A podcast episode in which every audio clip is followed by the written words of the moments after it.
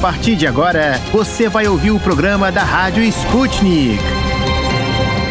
Olá, ouvintes. Meu nome é Melina Saad e, junto com a querida Francine Augusto, nós apresentaremos o programa de hoje da Rádio Sputnik. Isso aí, Melina. Vamos juntas trazer para os nossos queridíssimos ouvintes o que acontece de mais importante no Brasil e no mundo nesta quarta-feira, dia 9 de março. Ricardo Lewandowski tomou posse como ministro do Tribunal Superior Eleitoral. O magistrado entrou no lugar de Luiz Roberto Barroso, ex-presidente da corte. Lewandowski fará parte da composição composição da corte no período eleitoral deste ano. O ministro foi empossado pelo presidente do TSE, Luiz Edson Fachin, que o qualificou como profundo conhecedor da missão reservada aos magistrados da corte nas eleições presidenciais. Lewandowski já presidiu a corte entre 2010 e 2012 e também atuou em 2018 como ministro substituto. Durante um encontro com lideranças evangélicas, o presidente Jair Bolsonaro declarou que o seu colega russo russo, Vladimir Putin, é um dos homens mais poderosos do mundo. O encontro no Palácio da Alvorada tinha como objetivo conter o avanço dos adversários de Bolsonaro nas eleições de outubro sobre essa parcela do eleitorado que foi fundamental para sua eleição em 2018. De acordo com o jornal Folha de São Paulo, Bolsonaro ainda admitiu que o conflito na Ucrânia tem influência sobre o Brasil. Sobre assuntos internos, Bolsonaro mais uma vez criticou o Partido dos Trabalhadores,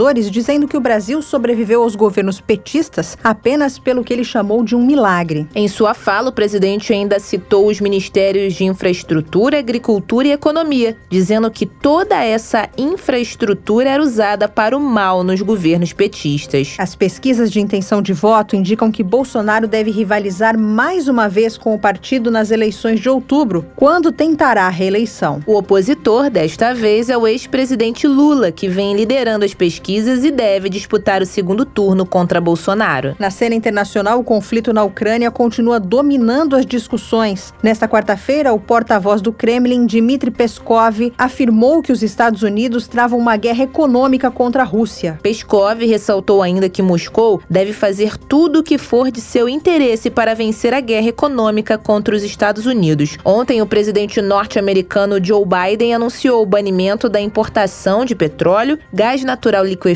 e carvão da Rússia. O porta-voz ressaltou que a situação no mercado energético é bastante turbulenta e não sabe até onde ela pode chegar. Ontem, o governo russo impôs algumas restrições em negociações de exportação e importação, visando assegurar as transações russas com comércio exterior após uma série de sanções. O decreto foi assinado pelo presidente Vladimir Putin. A Casa Branca não conseguiu organizar conversações com o príncipe herdeiro saudita Mohammed bin Salman e o emiradense Mohammed bin Sayed Al Nahyan, em meio aos esforços de Washington de assegurar apoio internacional devido à alta nos preços de petróleo incentivada pela crise ucraniana, segundo The Wall Street Journal. A rejeição dos líderes árabes para falar com Joe Biden nas próximas semanas demonstra mais criticismo à política americana a respeito do Golfo. De acordo com o jornal, a Arábia Saudita e os Emirados Árabes negaram extrair mais petróleo, dizendo que eles seguem cumprindo o de produção aprovado pelo OPEP e o grupo de outros produtores liderado pela Rússia. Enquanto isso, a subsecretária de Estado para Assuntos Políticos americana, Victoria Nuland, afirmou que os Estados Unidos ordenaram a cada um de seus embaixadores que exercessem influência nos países de sua permanência para se juntarem às sanções contra Moscou. Bom, depois desse apanhado de notícias, vamos ver o que preparamos para o programa de hoje. E no programa de hoje.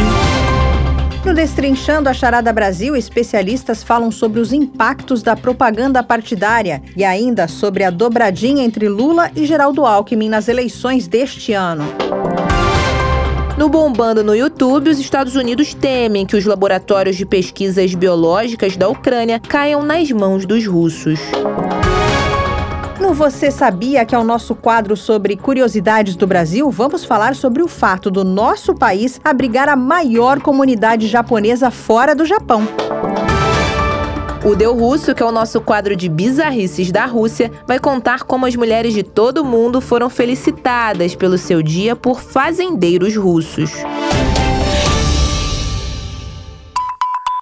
Para ficar por dentro de todas as novidades, tanto mundiais como brasileiras, se inscreva no nosso canal do Telegram É muito simples. É só você escrever Sputnik Brasil na busca do Telegram e se inscrever para receber as notificações.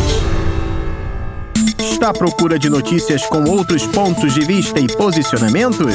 Curta nossa página no Facebook. É só digitar Sputnik Brasil na busca do Facebook e deixar sua curtida. Destrinchando a charada. De dentro e fora do Brasil. Política, economia, sociedade e tudo que engloba o maior país da América Latina. As charadas mais complicadas do Brasil são destrinchadas aqui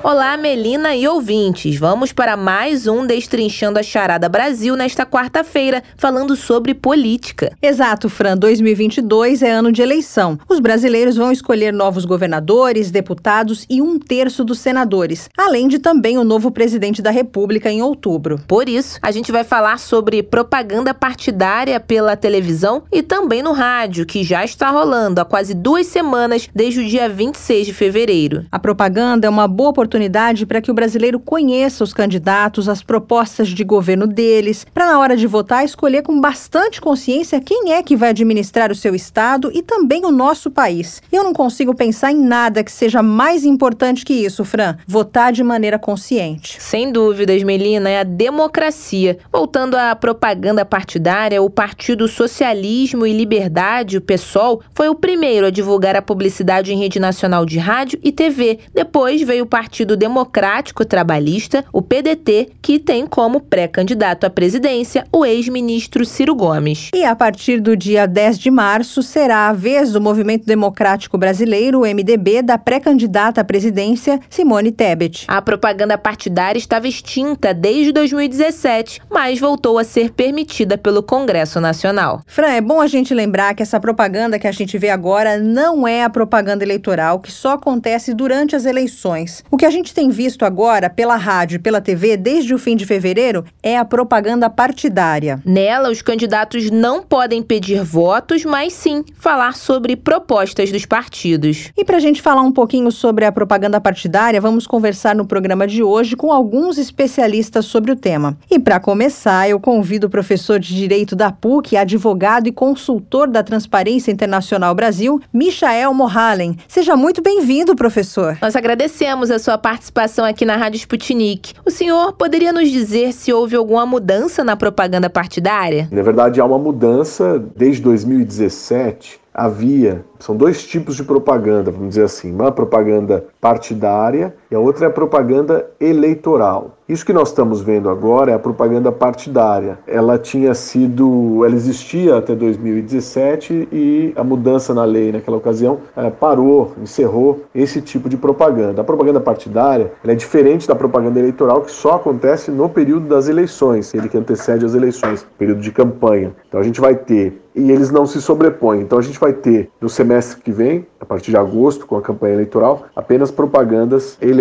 Agora o que a gente está vendo são as propagandas partidárias. Então respondendo a sua pergunta, sim, houve uma mudança. Essa propaganda ela existia por muitos anos, foi extinta em 2017 e voltou agora em 2022. E volto a frisar, essa é a propaganda partidária, não a propaganda eleitoral. Então na propaganda partidária, os partidos não podem fazer propaganda eleitoral, pedir voto, fazer campanha para nenhum dos seus candidatos. O que o propósito desse programa é justamente é, defender as ideias do partido. Então tem muitas proibições, tem restrições de quem pode participar, são pessoas filiadas ao partido, enfim, uma série de outras restrições. Se você tiver interesse, a gente pode falar depois. Mas o que acho que é fundamental aqui entender é que o propósito desses spots, que são entradas pequenas, breves no horário de TV, é justamente o de explicar quais são as principais ideias do partido, o que, que ele defende, etc. E quais têm sido as estratégias usadas pelos partidos nesse sentido? Mas até agora só o PDT é, fez essas entradas e então não é possível a gente falar de estratégias dos partidos, mas estratégia de um partido. E aí eu diria que a estratégia do PDT tem sido a de se focar no candidato, no presidenciável Ciro Gomes. Então observa que eu disse no áudio anterior que não, não, os partidos não podem fazer propaganda, propaganda, é, campanha política, né, campanha para nenhum dos seus candidatos. Mas eles podem, naturalmente, expor os seus candidatos, não na condição de candidato, mas na condição de representante do partido. Então a estratégia utilizada pelo PDT até agora é falar de, da economia, falar dos programas, das ideias do partido, mas ao fazer isso também ganhar tempo de exposição do seu principal nome, que é também candidato a presidente da República, que é o Ciro Gomes. Então essa parece ter sido a estratégia agora, o que é uma estratégia permitida, ou seja, ela está cumprindo as regras de ter alguém filiado ao partido, que é o Ciro Gomes, ao mesmo tempo que é não é pedir voto, e falar das ideias do que defende o partido para o país. Obrigada, Michael, por responder as nossas dúvidas, que eu sei que são também as dúvidas dos nossos ouvintes. E para enriquecer ainda mais essa conversa, nós vamos falar agora com o Vinícius Cordeiro, ele que é advogado especializado em direito eleitoral da Academia Brasileira de Direito Eleitoral. Vinícius, qual é o motivo dessa retomada da propaganda partidária? Essa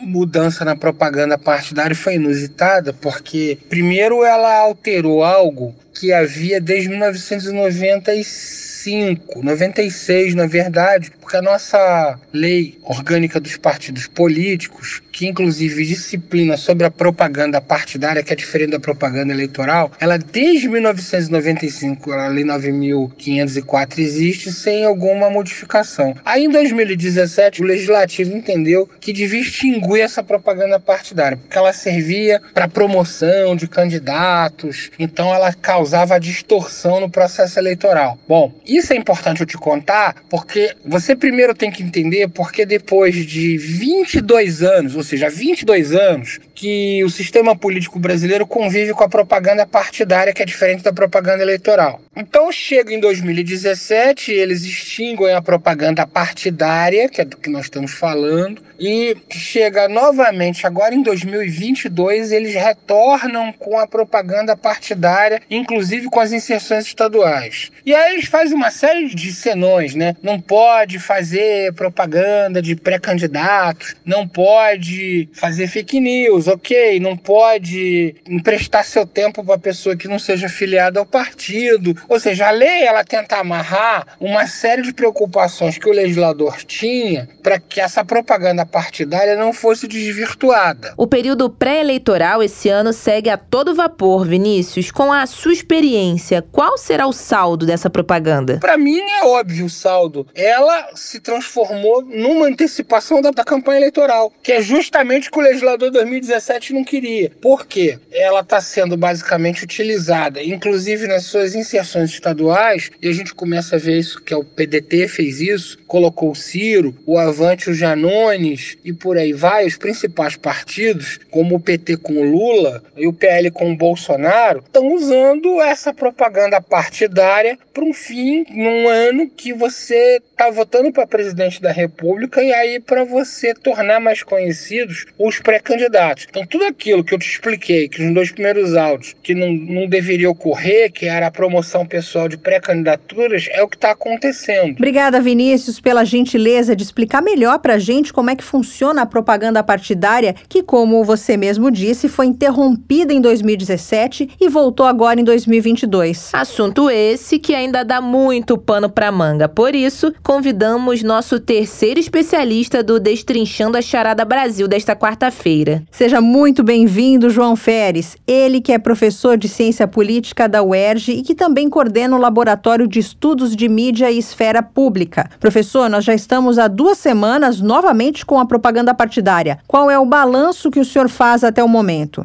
Começando pelo PDT, eu achei a propaganda propositiva, falava de feminismo, a outra, o Ciro também falava, não atacava ninguém e tal. Acho que tá uma coisa assim, meio paz e amor ainda, não entrou num espírito de ataques mútuos ataques a outros candidatos. Não sei se eles vão optar por isso. Ele eu acho que continua dando declarações de vez em quando, parou um pouquinho, mas de vez em quando ainda dá declarações bastante corrosivas em relação ao Lula. Eu não sei se vai continuar nessa onda. Mas, assim, são propagandas bastante, eu diria, inócuas quase, assim. Elas, assim, do ponto de vista eleitoral, são bem genéricas. Eu acho que os outros partidos, particularmente o Moro, já tem demonstrado, né, se ele realmente for candidato, vingar como candidato, que vai sair num, numa chave bem de ataque frontal ao Lula e tentando valorizar, obviamente, a sua posição como paladino da justiça, como ele quer se colocar. Né? Mas ainda não saiu. O senhor identificou algo diferente em relação aos outros anos? Quais são as estratégias dos partidos até agora? É difícil, o material é muito pouco para fazer uma comparação, mas eu diria, aqui eu vi do PT, eu esqueci de comentar um PT. Eu achei interessante o jingle do Lula, que é um jingle totalmente retrô, como se fosse alguma coisa do tipo assim, o país voltou para trás, aí precisa que o, Lula vá lá e resgate o país de novo daquele ponto onde ele já resgatou um dia, ou seja, que ele faça de novo um negócio que ele já fez. O que me parece até uma pegada boa, porque existe realmente um sentimento, eu acho, bem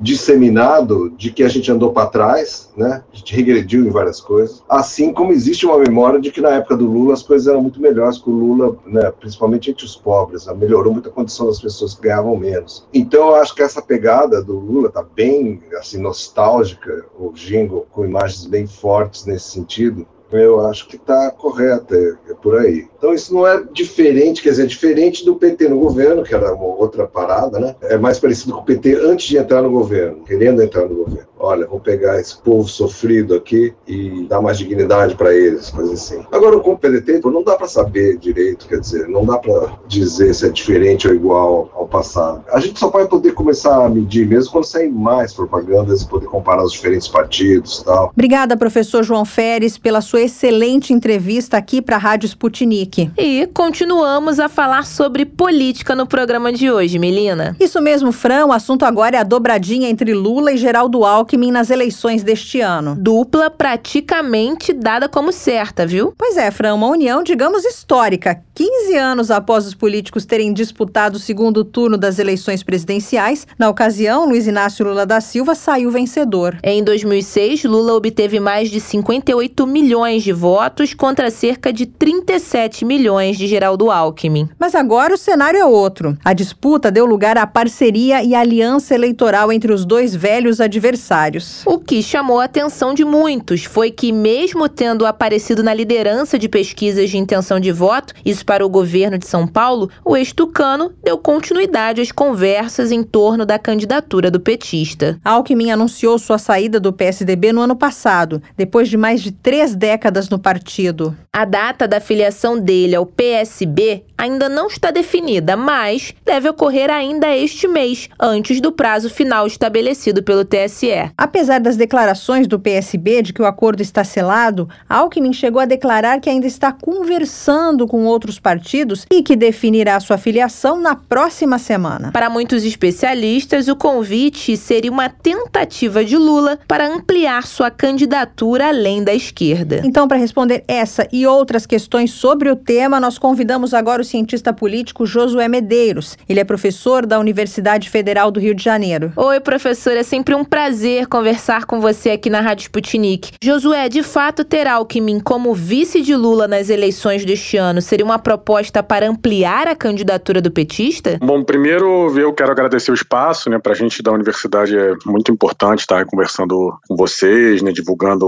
o conhecimento que a gente vem produzindo produzindo, os estudos, então agradeço bastante o espaço, é sempre um prazer. Eu acho que tem dois sentidos essa aproximação. Um primeiro sentido que aparece assim que as especulações começam é do Lula mostrar, não é ampliar eleitoralmente, mas ampliar politicamente, é mostrar que ele tem trânsito nos setores, essa relação com o Alckmin sinaliza uma mudança de conjuntura muito importante. Né? 2014 até 2018 o PT ficou isolado e agora consegue romper com o isolamento em conversas desse tipo, também com Kassab, né, com outras figuras, com empresários, até mesmo com setores das Forças Armadas. O que, que a gente tem visto? Que o Lula cresceu, se consolidou e ficou perto, né, está perto de ganhar no primeiro turno. Não é simples ganhar no primeiro turno, mas é possível. Não é o mais provável, mas é possível. Então, alianças desse tipo também podem ser justamente esse diferencial que fazem a eleição patamar de votos do Lula de 47, 48% para 51, 52%, que daria aí o primeiro turno turno, né? Uma figura como Alckmin, ele poderia levar esse contingente de votos necessário para decidir a parada logo em 2 de outubro. Já que o senhor falou de posicionamentos, com Alckmin e Lula Lula juntos, como ficariam os partidos numa disputa estadual? Eles seriam rivais? E levando em consideração o estado de São Paulo, o ex-tucano pediria votos para Márcio França, do PSB, e Lula, então, para o ex-prefeito Fernando Haddad, do PT? Sim, olha, eu acho essa pergunta muito boa. Eu acho que até 2018, até o Bolsonaro vencer, essa divisão seria normal. O vice com um candidato, no caso, né, o Alckmin com Márcio França, o candidato a presidente com outro, no caso Lula e Haddad. Poderia até ter um terceiro, como é o caso do Guilherme Boulos, né, que está pontuando bem, sempre com 10%. Só que com o Bolsonaro isso realmente não fica normal, né? Porque a força do bolsonarismo no sul e sudeste ainda é muito grande, o Bolsonaro vai ter um candidato que é o Tarcísio, o ministro da Infraestrutura, que é muito forte. Então eu aposto que vai unificar esses, essas três candidaturas, Haddad do PT, Márcio França do PSB e Guilherme Boulos do PSOL, que estão todos ali se relacionando com Lula, vão se unificar em uma candidatura só. E eu acredito que essa candidatura vai ser a do Haddad. Acho que o Márcio França vai aceitar uma posição como Senado, por exemplo, e o Guilherme Boulos tende a vir como deputado federal. Josué, apesar das declarações do PSB de que o acordo está mais que selado, Alckmin chegou a declarar que ainda está conversando com outros. Isso faz parte de alguma jogada? Existe algum intuito para manter esse suspense até a decisão? Ela vai no mesmo sentido da resposta anterior. Assim, até antes de 2018 seria um suspense desse tipo que você está falando mesmo, assim, uma coisa que todo mundo sabe, mas o como, sei lá, contratação de futebol, né, mas o empresário quer valorizar o passe do jogador, aí adia um pouco o anúncio. O que acontece agora é que ainda tem muita negociação entre os partidos, tem a questão da federação que parece que não vai sair entre o PT e o PSB. Então são tantas incertezas que o Alckmin vai adiar ao máximo a, a sua definição para ter um maior controle das variáveis, né? Por exemplo, essa variável do governo do estado que você perguntou, essa variável da federação que eu falei, a variável de outros partidos que podem se aproximar dessa chapa que ele traz. Mas eu diria que hoje o mais provável é o PSB, sim é com quem ele vem conversando, a gente né, busca essas informações pelo mundo da academia, vocês também pela imprensa, é o mais provável. Agora não está fechado mesmo não, não, não acredito que seja só um suspense para valorizar o passe, sabe? Acho que realmente ainda tem algumas arestas para, ser, para serem aparadas e essas arestas às vezes são detalhes que mudam o jogo em três, quatro, cinco dias. A saída do futuro vice de Lula do PSDB depois de mais de três décadas no partido foi uma surpresa? E lembrando também que ele chegou a liderar as pesquisas de intenção de voto para o governo de São Paulo, né, professor? Não, você tem razão, é bem difícil, não é normal. Agora também não foi uma surpresa, né, porque o que aconteceu é que o PSDB histórico, né, que o Alckmin tem essas três décadas aí de relação, ele acabou, né. O que o Dória está fazendo é um outro tipo de partido, né. O PSDB histórico poderia até votar no Bolsonaro em 2018 contra o PT, mas não faria campanha tão aberta como o Dória fez, né. Você lembra do Bolso Dória, ele apertando a mão do presidente, né, que viria a ser eleito. Então, o Dória organizou o abandono do PSDB, o que fez com o Alckmin, né, ainda em 2018, porque o Alckmin estava patinando nas intenções de voto. Então, não é normal, mas não é surpresa. Aí, depois de 2018, o que, que o Alckmin fez? Se afastou da política, né, voltou inclusive a atuar como médico, mas continuou ali nos bastidores pensando que caminho seguir e o retorno do Lula ao jogo político abriu essa possibilidade dele se reposicionar e acho que ele percebeu aí como bom político que é, né, com bom faro de oportunidade, no melhor sentido que a política tem para esse termo, e está aproveitando aí para se reposicionar. E acho que para ele vai ser bem melhor do que ser candidato ao governo, porque candidato ao governo ele já foi quatro vezes, né? Então agora ele estaria se colocando no plano nacional, num governo de reconstrução, de unidade. Acho que ele cresce com esse movimento, ele, o Alckmin. A gente agora tem um cenário bem peculiar de ex-rivais em 2006 a aliados em 2022. O que isso representa em um momento de polarização na política brasileira? Acho que é um pouco nesse sentido que você falou, sim, representa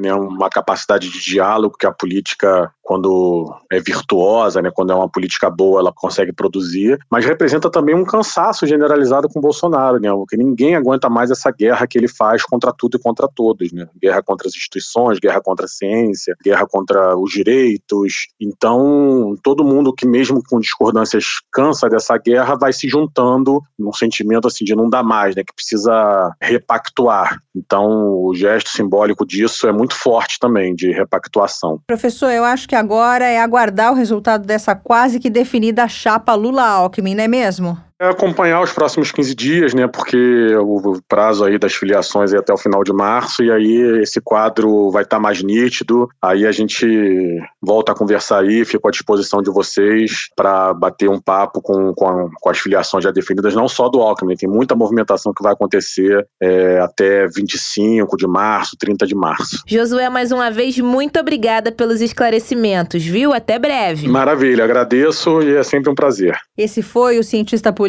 Josué Medeiros, professor da Universidade Federal do Rio de Janeiro. E assim termina o nosso Destrinchando a Charada Brasil de hoje. Amanhã tem mais.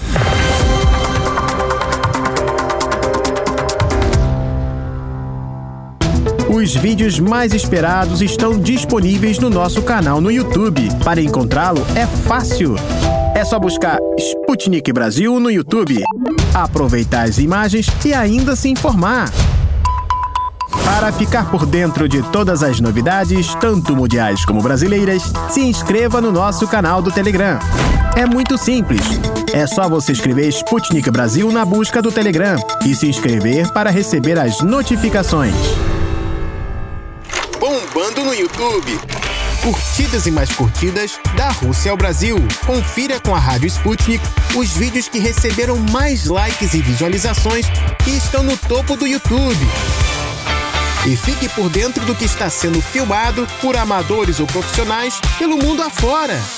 Chegou um dos momentos mais esperados do dia, que é hora de saber quais foram os vídeos mais vistos e mais curtidos no YouTube. E para isso eu chamo o meu amigo Tito da Silva, que está na redação da Sputnik em Moscou. Tito, conta pra gente que está bombando por aí. Olá, queridos amigos da Rádio Sputnik. Eu sou o Tito da Silva e estes são os vídeos que estão bombando no YouTube nesta quarta-feira, 9 de março. No primeiro vídeo de hoje, a subsecretária de Estado para Assuntos Políticos dos Estados Unidos, Victoria Nuland, reconheceu que na Ucrânia pesquisas biológicas são feitas e que os Estados Unidos temem que a Rússia possa ter acesso aos materiais de tais pesquisas. A fala de Nuland veio logo depois de a Rússia acusar os Estados Unidos de realizar trabalhos para o desenvolvimento de armas biológicas na Ucrânia e apresentar documentos que comprovariam ordens de autoridades sanitárias ucranianas para destruir os vestígios das pesquisas biológicas assim que a Rússia iniciou sua operação especial na Ucrânia. Para assistir à fala de Nuland, digite assim no YouTube: Ucrânia faz pesquisas biológicas e Estados Unidos estão preocupados com a aquisição russa, diz Nuland.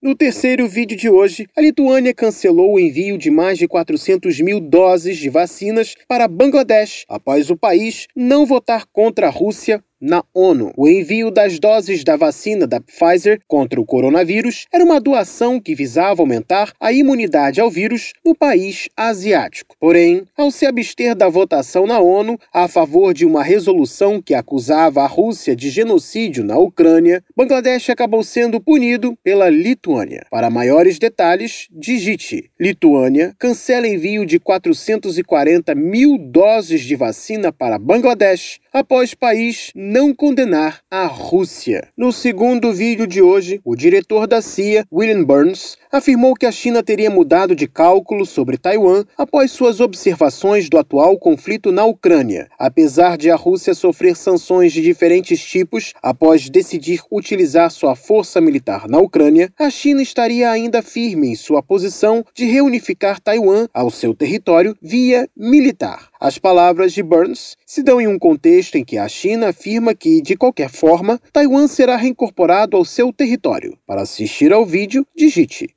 CIA. Cálculo da China sobre Taiwan mudou após a atual situação na Ucrânia. No quarto vídeo de hoje, economistas e lideranças ocidentais alertam seus cidadãos sobre as consequências negativas que as sanções antirrussas causarão no Ocidente, em particular nos Estados Unidos, na França e na Alemanha. O presidente Joe Biden, ao anunciar um boicote ao petróleo e seus derivados da Rússia, disse que a sanção teria o seu preço para o povo norte-americano. Já Emmanuel Macron, o presidente da França, falou que o povo francês também sofrerá as consequências da política de sanções contra a Rússia. Assista ao vídeo digitando Gold Money Holding. Sanções afetarão menos a Rússia do que se pensa. E no quinto vídeo de hoje, defendendo seu compromisso com seus parceiros da OTAN, os Estados Unidos anunciaram o envio de baterias antiaéreas Patriot à Polônia. O envio do equipamento se dá em um contexto em que os Estados Unidos têm aumentado cada vez mais sua presença militar na Europa no decorrer da operação russa na Ucrânia e tensões crescem entre a OTAN e a Rússia. O vídeo você encontra digitando Estados Unidos enviam sistemas Patriot à Polônia em meio à operação militar russa na Ucrânia. E por hoje é tudo, pessoal. Até mais! A existência de laboratórios biológicos que podem desenvolver armas químicas e biológicas preocupa o mundo inteiro, Fran. Sem dúvida, Melina, apesar dos documentos que provam que esses laboratórios não só existiram, mas também foram destruídos por ordem do Ministério da Saúde da Ucrânia, um porta-voz presidencial ucraniano negou as alegações. Tito, amanhã você volta com mais vídeos aqui no nosso quadro Bombando no YouTube. Até quinta, Tito!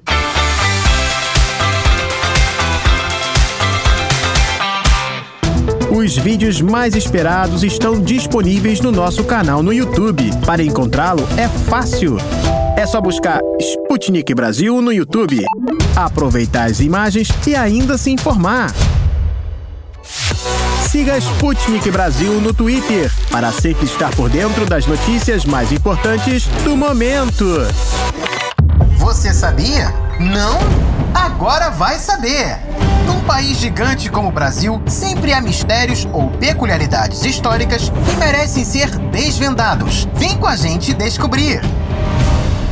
Olá, ouvintes! Vocês sabiam que o Brasil abriga a maior comunidade japonesa fora do Japão? Pois é, caros ouvintes, muito se fala sobre a chegada de europeus e africanos no Brasil ao longo da história, mas os asiáticos também contribuíram para a formação da nossa sociedade. No estado de São Paulo, no bairro da Liberdade, temos uma grande comunidade japonesa que vivencia a cultura nipônica e se tornou um dos maiores pontos turísticos do estado. Além dos japoneses, japoneses, as colônias coreana e chinesa também são marcantes no bairro, que é considerado um pedaço da Ásia no Brasil. Para falar um pouco sobre a comunidade japonesa aqui no Brasil, convidamos Priscila Yuvamoto, descendente de japoneses, que nasceu em Votuporanga e hoje mora em Brasília, e Setsu Florence, nascida em Tóquio, mas que vive no Brasil desde a adolescência, primeiro no Rio de Janeiro e há dois anos em São Paulo. Priscila e Setsu, muito obrigada pela participação de vocês aqui no programa programa da Rádio Sputnik. E para começar, eu gostaria de saber da Priscila, como é que é fazer parte da comunidade japonesa no Brasil? Então, desde criança, na escola, eu sempre fui cercada de colegas também descendentes de japoneses. Então é algo bem natural. Nessa região, no interior de São Paulo, é muito comum as famílias já se conhecerem, saberem a história, como é que vieram. A Bachan, o Dichan, os avós tiveram essa mesma migração, essa história muito semelhante. Então, há uma certa identificação natural que acontece mutuamente e fazer parte dessa comunidade nos enche de orgulho de saber que esse povo guerreiro saiu de uma condição muito precária, difícil, passou por várias dificuldades e mesmo assim conseguiu ascender e conseguiu vencer e superar as dificuldades. Então, isso quando a gente se conhece, se encontra, aos poucos isso vai se perdendo com as gerações, mas a comunidade japonesa ela tem essa força e essa união muito por conta dessa história similar. E para você, Setsu, como é essa relação? Não tem muito japonês aqui no Rio de Janeiro, né? Para falar a verdade. Eu acho que isso dificulta muito meu ingresso na comunidade japonesa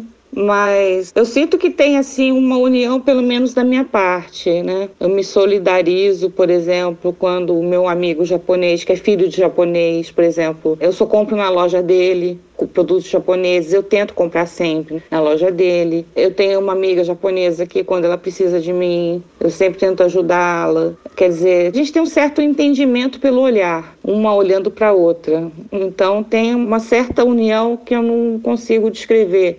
É uma aparência já uma coisa mais física, né, oriental. Aí quando é japonês, aí você tenta se solidarizar mais com o próximo. Mas assim, sempre falando em português, num contexto cultural bem mais abrasileirado A gente se reúne, por exemplo, eu gosto muito de receber em casa.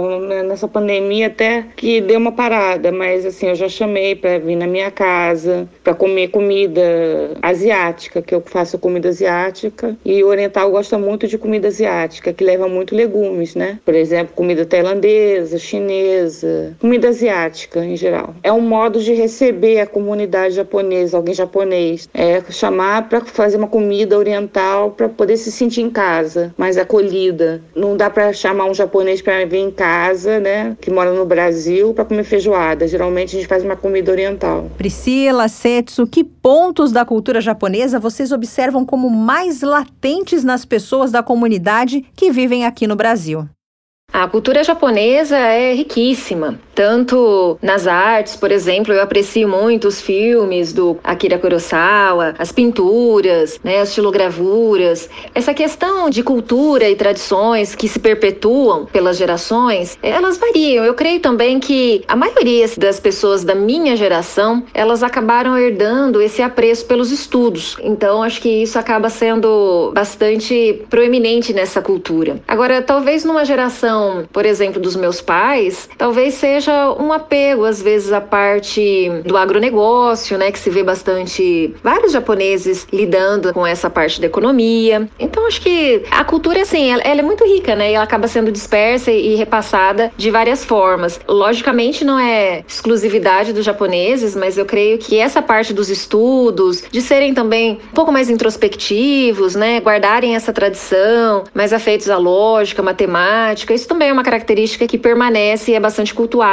entre os descendentes. Tem uma coisa que me chama muita atenção é como você transmitir o sentimento para uma outra pessoa, como você manifestar isso. Eu aprendi muito porque eu fui casada, né, com um brasileiro. Ele era muito amoroso e aí foi aí que eu aprendi a demonstrar mais os sentimentos, não só por amá-lo, mas eu tinha que ir além, eu tinha que corresponder no mesmo nível que ele. Então eu aprendi muito no relacionamento. Porque dentro de casa, geralmente, meu pai, por exemplo, é japonês, minha mãe é brasileira, mas minha mãe se adaptou muito à cultura japonesa, né? Meio características orientais. Mas são coisas, assim, latentes, que eu acho que são importantes ressaltar essa dificuldade de transmitir emoções. Mas por curioso que pareça, é difícil você lidar com sentimentos, os japoneses lidarem com sentimentos, mas você tem canções muito românticas, por exemplo, que falam de emoções. Eu acho interessante que numa cultura onde você preserva os sentimentos, numa música, você revela vários sentimentos. Eu acho interessante. Mas não é só eu que passo por essa transição de sentimentos, tá? É, eu vejo que os japoneses que moram no Brasil, eles também passaram por essa dificuldade, né, de sentimentos, porque foram criados numa família japonesa no Brasil, mas que tinham que sobreviver fora de casa. Então você de algum modo tinha que ter uma mudança nas suas atitudes e dos seus sentimentos. Isso você aprendia fora de casa. Então, acho que muitos descendentes japoneses que moram no Brasil passaram por isso. E eu acho que isso melhorou muito a nossa vida. A partir do momento que você expressa os sentimentos, você se torna uma pessoa mais integrada com a outra. Isso é muito bonito, é fundamental nas relações, do que ter uma relação fria, mais resiliente, de respeito mútuo, né? Então, os descendentes japoneses que moram no Brasil aprenderam isso, que acho que é importante, que nos deixa feliz. A cultura japonesa parece ser bastante diferente da brasileira. Quais são as principais semelhanças e diferenças que você percebe, Priscila? Bom, na minha opinião, as principais diferenças entre brasileiros e japoneses são que, assim, aqui no Brasil as pessoas são mais extrovertidas, porém mais individualistas, são mais espontâneas também. Já no Japão, elas são mais interiorizadas, mais introspectivas, mas todas as ações são sempre pautadas para a coletividade,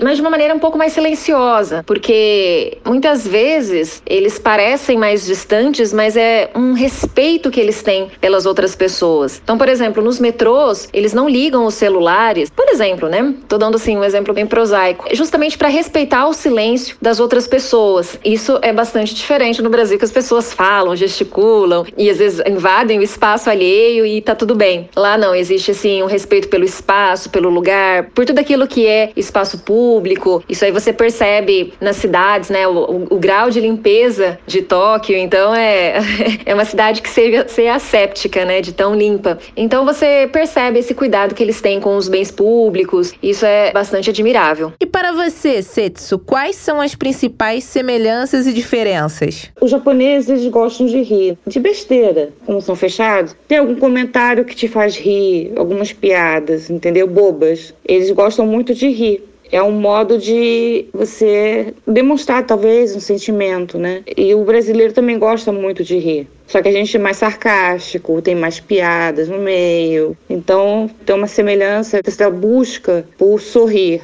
E também a gente sorri por simpatia. No Japão a gente sorri por simpatia. O brasileiro também tem esse sorriso receptivo de simpatia que acho que é uma característica semelhante, né? As diferenças são comportamentais mesmo, né? Por exemplo, no Japão, um respeita tanto o outro que você pode deixar sem querer esquecer alguma coisa em algum lugar e você voltar para aquele lugar sabendo que você vai encontrar aquilo que você esqueceu. Ninguém encosta naquilo que é do outro. E no Brasil, não. Eu vejo uma diferença muito grande porque as pessoas meio que tomam, pegam as coisas, não pedem, né? Às vezes, né? Sem querer. Pedem. São coisas que os japoneses não fazem. Por exemplo, ah, me dá um trago do seu cigarro. Né? Deixa eu beber um gole do teu copo. É mais difícil. Cada um tem o seu. O espaço ele é muito determinado no Japão. Até onde você pode ir tem um espaço bem definido. E aqui não. Aqui é meio que misturado, meio junto. São características que são bem diferenciadas entre cultura japonesa e a cultura brasileira. Vamos falar um pouco de culinária? O que vocês acham das variações brasileiras que nós fazemos dos pratos tradicionais da cozinha japonesa? Já provaram? Eu acho que no Japão a gente gosta de sentir mais o gosto do peixe, o frescor dele. E a gente gosta muito do arroz. O arroz dá o ponto do sushi, então o arroz é importante também. Agora, eu vejo no Brasil que as pessoas colocam muitos temperos no sushi, sashimis também. Tem o cream cheese, meio que camufla um pouco o gosto do peixe, né? Não só o cream cheese, como azeite trufado, umas pimentas. Eu acho interessante o quanto o brasileiro gosta de tempero. Ele tem que incrementar algo para dar o tempero para ficar mais brasileirado o sushi. Eu também acho engraçado o pessoal comer sushi com hashi. Geralmente se come com a mão, porque senão você despedaça ele sem querer com hashi, né? Como já vi muita gente no restaurante comendo, e o sushi se parte ao meio, se desfaz, que na verdade ele é para ser comido com as mãos. Mas eu sinto assim que é gostoso também. Eu acho que a variação é válida, porque a comida japonesa ela não é muito temperada, ela é sutil. Então eu acho que de vez em quando eu gosto de um cream cheese, eu não sou nada contra. Eu acho que o que é brasileirado também, às vezes me dá vontade de comer um mais fresquinho, mais japonês, às vezes me dá vontade de comer um mais abrasileirado. Aí eu peço, dependendo do meu apetite, eu peço um tipo ou o outro, ou mais japonesado ou mais abrasileirado. Eu sou suspeita para falar porque eu amo a culinária japonesa. Eu já fui pro Japão, já provei a comida japonesa coisas. Aquela feita naqueles restaurantes minúsculos, cujos balcões ficam assim bem próximos dali do forno. Você fica vendo, sentindo o cheiro, o preparo. E assim, é um sabor maravilhoso. Ao mesmo tempo, aqui no Brasil existe também restaurantes que não deixam a desejar, principalmente em São Paulo. E eu amo, assim, acaba sendo um evento, né? Seja pelo local, pelos detalhes da mesa, seja pelo próprio sabor. Há algumas diferenças, mas eu acho que assim, hoje em dia, o grau de qualidade qualidade está bem elevado e eu recomendo a todos que provem, porque muita gente, às vezes, assim, de início, não apetece muito o paladar, mas depois é como se costumasse. Hoje eu sinto falta, assim, eu tenho que, pelo menos uma vez a cada 10 dias, 15 dias, eu procuro experimentar porque eu realmente gosto. Setsu, você pensa em sair do Brasil para morar no Japão ou isso nem é cogitado? Eu nasci em Tóquio eu vejo a hospitalidade dos brasileiros muito grande. Esse espaço delimitado, né? Ele não existe muito né, como na cultura japonesa. Se você for para o Japão, você tem que se adaptar à cultura japonesa. Você tem que ter um limite para que tudo funcione muito bem do jeito que eles querem. Você não pode modificar a cultura. Você deixa uma bicicleta, você não precisa nem colocar corrente, porque ninguém vai mexer. Então você acredita naquilo e aquilo realmente acontece. Ninguém vai mexer. Então não tem, não dá para manifestar muito outras culturas no Japão, porque senão você desorganiza a cultura que eles construíram e que tem muito valor. No Brasil, o valor que eu dou para a cultura brasileira, eu acho que é muito receptivo, aceitam as diferenças, às vezes brincam, né, com a gente por sermos orientais, mas a gente no começo fica meio chateado, mas depois começa a rir, né? Porque você se acostuma com as piadas, mas faz parte da cultura brasileira fazer piada. E eu fico muito mais à vontade aqui, porque não tem regras muito rígidas e comportamentais como tem no Japão. Então é, a hospitalidade daqui é muito grande. Então eu fico muito feliz morando aqui e sendo o que eu sou. Isso é muito importante. Não tenho vontade de morar no Japão, a não ser que aconteça uma catástrofe no Brasil. Eu sei que no Japão tem empregos, tem indústrias e é um porto seguro. Mas assim, por livre e espontânea vontade, assim, eu quero morar no Japão. Eu não quero porque eu não tenho mais ligações assim culturais com o Japão. Eu sou bem abrasileirada, assim como vários japoneses, filhos, descendentes japoneses que eu conheço, são bem abrasileirados. Teríamos que nos converter a uma outra cultura, né? Que é bem rígida. Eu não sei se é o caminho da minha felicidade, entendeu? Eu me sinto muito bem, muito acolhida no Brasil. Então eu não tenho nenhum objetivo de ir para o Japão. Agora o meu irmão pensa em ir para trabalhar, para ganhar dinheiro, mas ele pensa assim em trabalhar e voltar. É sempre assim. A gente japoneses que tem parentes no Brasil, enfim, foram criados no Brasil que vão para o Japão, eles acabam muito deles voltando assim para o Brasil porque é a terra, né? Nossa. A não ser aqueles que ficaram muito bem, se adaptaram muito bem, trabalham, gostam do trabalho que fazem, acabam ficando por lá, né? Mas sempre tem uma raiz brasileira, sempre tem. A comunidade, como é muito unida, tem sempre pão de queijo, reunião, feijoada, sempre tem um samba. Eles são muito, ainda com a cultura brasileira muito enraizada, por mais que tenham olhos puxados, se acham brasileiros. E você, Priscila? No momento, eu não me vejo morando em nenhum outro país que não seja o Brasil. Eu já tive a experiência de intercâmbio, morei um tempo na Alemanha e viajei, conheci o Japão, tudo. Adorei, foi uma experiência maravilhosa porque eu passei passei alguns dias, período aí de 15 dias na Universidade de Tóquio. Então isso me fez assim conhecer realmente a cultura raiz, conhecer como é que é uma celebração do chá, como que todos esses detalhes são percebidos, o cuidado que eles têm, tanto dos professores com os alunos, a questão da pontualidade, a questão desse cuidado que eles têm em receber, em presentear, como eles se sentem bem. Então eu pude conhecer assim o dia a dia dos estudantes. E isso realmente é impressionante. Porém, mudança, assim, para sempre, ou mesmo que seja para morar lá, não está nos meus planos. Eu gosto muito do que eu faço, de morar aqui no Brasil, e eu acho que pretendo ainda continuar por uns bons anos. A menos que eu mude de ideia, mas nesse momento, meus planos são de permanecer aqui no Brasil. Para encerrarmos, uma pergunta que não quer calar. E na Copa do Mundo que está vindo aí, para quem vocês vão torcer? É muito esquisito, né? Porque eu tenho um pé lá, né? No Japão, né?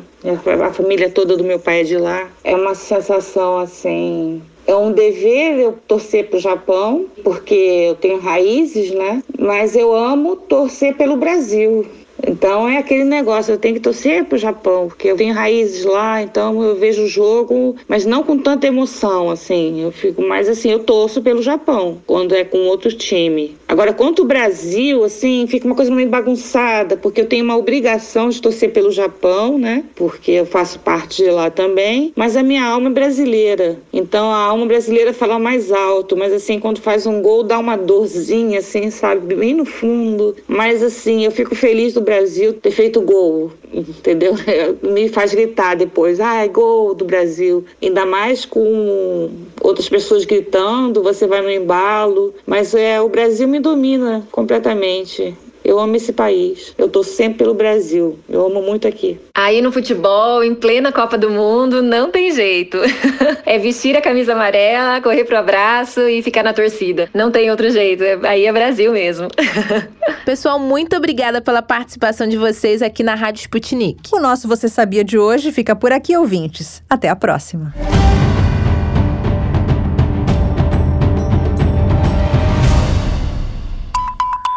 Para ficar por dentro de todas as novidades, tanto mundiais como brasileiras, se inscreva no nosso canal do Telegram.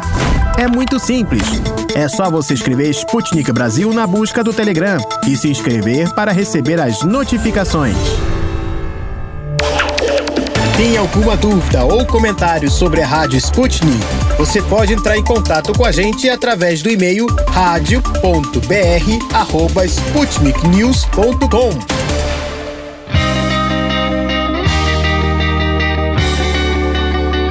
Deu Russo. De notícias bizarras do Brasil já estamos mais que saciados. E as bizarrices que acontecem na Rússia, hein? É outro nível, rapaziada. Ih, deu russo!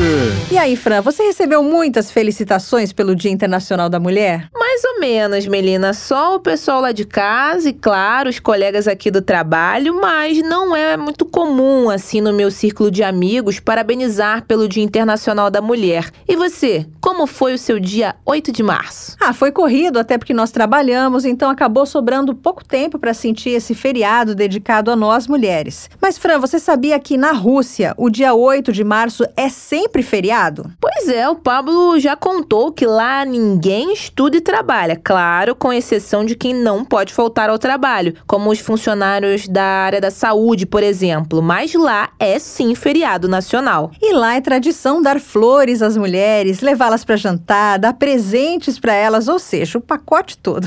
Sem contar nas declarações de amor e surpresas que são muitas vezes preparadas do lado de fora do apartamento da amada, com um grande texto escrito na rua: Feliz 8 de março. Daí a mulher já acorda com uma declaração e felicitação que dá para ser vista da janela do seu quarto. Quem prepara a surpresa faz questão de escrever em letras bem grandes para que não só quem ele quer que veja aproveite a felicitação. Aliás, é o dia de todas todas as mulheres. Daí vocês podem perguntar, ouvintes, como o texto é escrito? Bem, então eu vou explicar. Depois de fazer o cálculo certo da posição onde a felicitação vai ser escrita para bater o olho da felicitada, é só escrever com a ajuda de giz de cera o texto que você quer e para quem você quer escrever. Pablo me contou que muitos russos preparam faixas e até mesmo alugam outdoor para felicitar as mulheres no dia delas. É, mas os russos extrapolaram todos os limites, ouvintes, pois eles não usaram nem giz, nem outdoor, nem cartaz. O que eles usaram para felicitar todas as mulheres do mundo pelo 8 de março foram cavalos. Cavalos? Como assim cavalos? Na República Russa do Baskortostão, uns fazendeiros acordaram cedo, como sempre, mas em vez de levar os cavalos para passear como de costume, acabaram os usando para escrever a felicitação em um terreno terreno aberto. Antes de chegar ao terreno com os cavalos, os fazendeiros prepararam o chão e nele escreveram a mensagem que queriam. Mas não só escreveram, como os russos fazem em Moscou, por exemplo. Eles meio que abriram um buraco raso,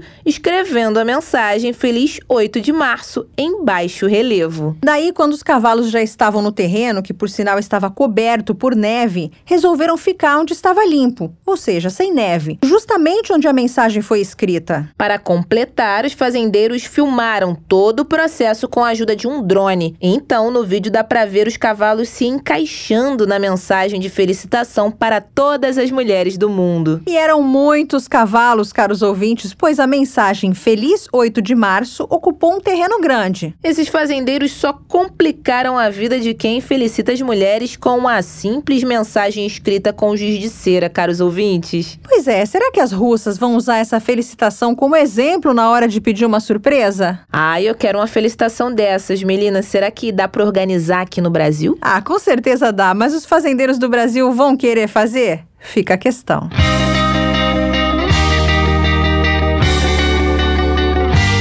O Deu Russo de hoje, caros ouvintes, tem a ver com coleções. Isso mesmo, Fran, coleções. Pois é, Melina, tem gente que coleciona bonecas, carros em miniatura, cédulas estrangeiras, rolhas de vinho, porta-copos. Quem escolhe o que colecionar é Obviamente, o colecionador, claro. E um colecionador da Rússia escolheu um item bem diferente dessa sua lista, Fran. O russo da história coleciona moedas. A coleção deste russo não é muito antiga. Ele começou a juntar moedas quatro anos atrás e já conta com 137 exemplares. Detalhe: cada item é diferente e esse russo é minucioso na hora de agregar uma moeda à sua coleção. E não é qualquer moeda jogada no meio da rua que entra nessa coleção, não não, viu, caro ouvinte? Pra tá lá, por exemplo, uma moeda de 10 rublos é personalizada com o rosto do imperador russo Nicolau II. Para quem não sabe, Nicolau II foi o último imperador da Rússia, então dá para entender a vontade desse colecionador de conseguir uma moeda dessas. A vontade era tanta que esse russo começou a juntar dinheiro. Ah, nem contei para vocês. A moeda custava 47 mil rublos. Se na cotação de hoje 47 mil rublos não são lá essa coisa toda, quando o colecionador comprou essa moeda, era uma grana, ouvintes. Para vocês terem uma noção, quando esse colecionador comprou a moeda personalizada do imperador Nicolau II, ela estava valendo um pouco mais de 3 mil reais, só por uma moeda de 10 rublos. Se a gente levar em consideração a inconsistência da moeda russa, então na cotação de agora, essa moeda valeria um pouco mais de 2 mil reais, ou seja, mil reais mais barata. E mais interessante é onde esse colecionador encontrou a moeda, ouvintes ouvintes, segundo o próprio comprador, o seu primeiro contato com a moeda imperial foi uma casa de leilão. Ele não tinha dinheiro para comprá-la na hora, mas quem disse que o item saiu da cabeça dele? O colecionador voltou para casa todo inquieto por ter perdido a chance de comprar a preciosa. Daí surgiu uma ideia na cabeça dele procurar na internet. Buscou tanto que achou em um site de vendas. A moeda estava lá, toda linda e imperial, mas por aquele preço que vocês já sabem. Demorou um tempo para juntar a grana, mas assim que conseguiu o valor, foi lá e comprou. Pela internet mesmo, em um perfil de um profissional, entre aspas. Os dias foram se passando, o desejo de ver a moeda só aumentava. O russo queria colocar o novo item e sua coleção de 137 moedas para finalmente ter 138. Seria a primeira moeda com o rosto do último imperador russo. Vocês têm noção, ouvintes? Depois de duas semaninhas, alguém bateu na porta do colecionador que estava parado por lá esperando há dias até receber a preciosa. Quando esse colecionador russo abriu a porta, um carteiro entregou para ele um envelope todo pomposo. Ele já achou: é a minha moeda imperial com certeza. Assinou pelo recebimento da encomenda e foi correndo para o quarto ligar uma luz especial, averiguar de perto o novo item. Abriu o envelope da forma mais voraz, ouvintes. Se deparou com uma moeda de 10 rublos, mas cadê o rosto do imperador Nicolau II? Não estava lá. No lugar da moeda imperial, o colecionador acabou recebendo uma simples moeda de 10 rublos, daquelas que dá para comprar um chiclete, exatamente, só um chiclete. O colecionador gritou de tanta raiva. Ele não podia acreditar no que tinha acontecido. Por que o profissional mandou para ele uma moeda simples? A raiva foi tanta que o colecionador trocou de roupa e foi rápido para a delegacia. Esse russo queria o dinheiro de volta. Explicou tudo para os policiais que pediram o número de telefone do vendedor, mas quando ligaram era só cri, cri Ninguém atendeu. E o anúncio sumiu da internet, obviamente, até porque a moeda foi vendida. Então, no fim das contas, o colecionador de moedas russo acabou pagando 3 mil reais por uma moeda de 60 centavos, ouvintes. Que cilada, né, Fran? Pois é, coitado. Bem, esperamos que o caloteiro da internet seja achado para que o colecionador continue sonhando com o dinheiro gasto na moeda que não era nada imperial.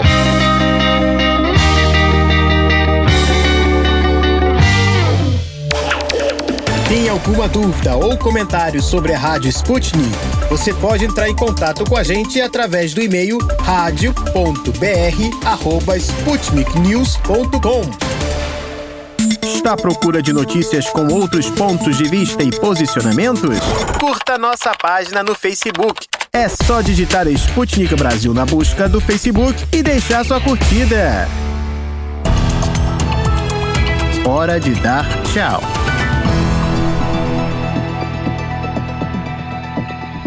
O programa de hoje passou rapidinho. Essa foi a edição de quarta-feira, dia 9 de março. Fran, eu sei que os nossos ouvintes vão continuar ligados em toda a nossa programação. Para isso, basta dar uma passadinha no site da Sputnik Brasil, br.sputniknews.com e conferir as notícias do momento. Lembrando que nós temos também o nosso canal da Sputnik Brasil no YouTube. Não dá para perder, né? Por lá, nossos ouvintes encontram os vídeos dos assuntos mais importantes do momento, tanto no Brasil como no resto do mundo. Fiquem ligados também nas informações sempre atualizadas no Twitter e no Telegram da Sputnik Brasil. Bom, por hoje é só. Até amanhã. O programa da Rádio Sputnik teve apresentação, produção e edição de textos de Melina Saad e Francine Augusto. E produção de conteúdos e edição de textos de Bárbara Pereira, Tito da Silva e Pablo Rodrigues. A edição e a montagem do programa são de Wellington Vieira e David Costa. A produção geral no Rio de Janeiro é do Everton Maia e da Angélica Fontela, e o editor-chefe da redação da Sputnik Brasil no Rio de Janeiro é Renan Lúcio e em Moscou, Konstantin Kuznetsov. Você acabou de ouvir mais um programa da Rádio Sputnik.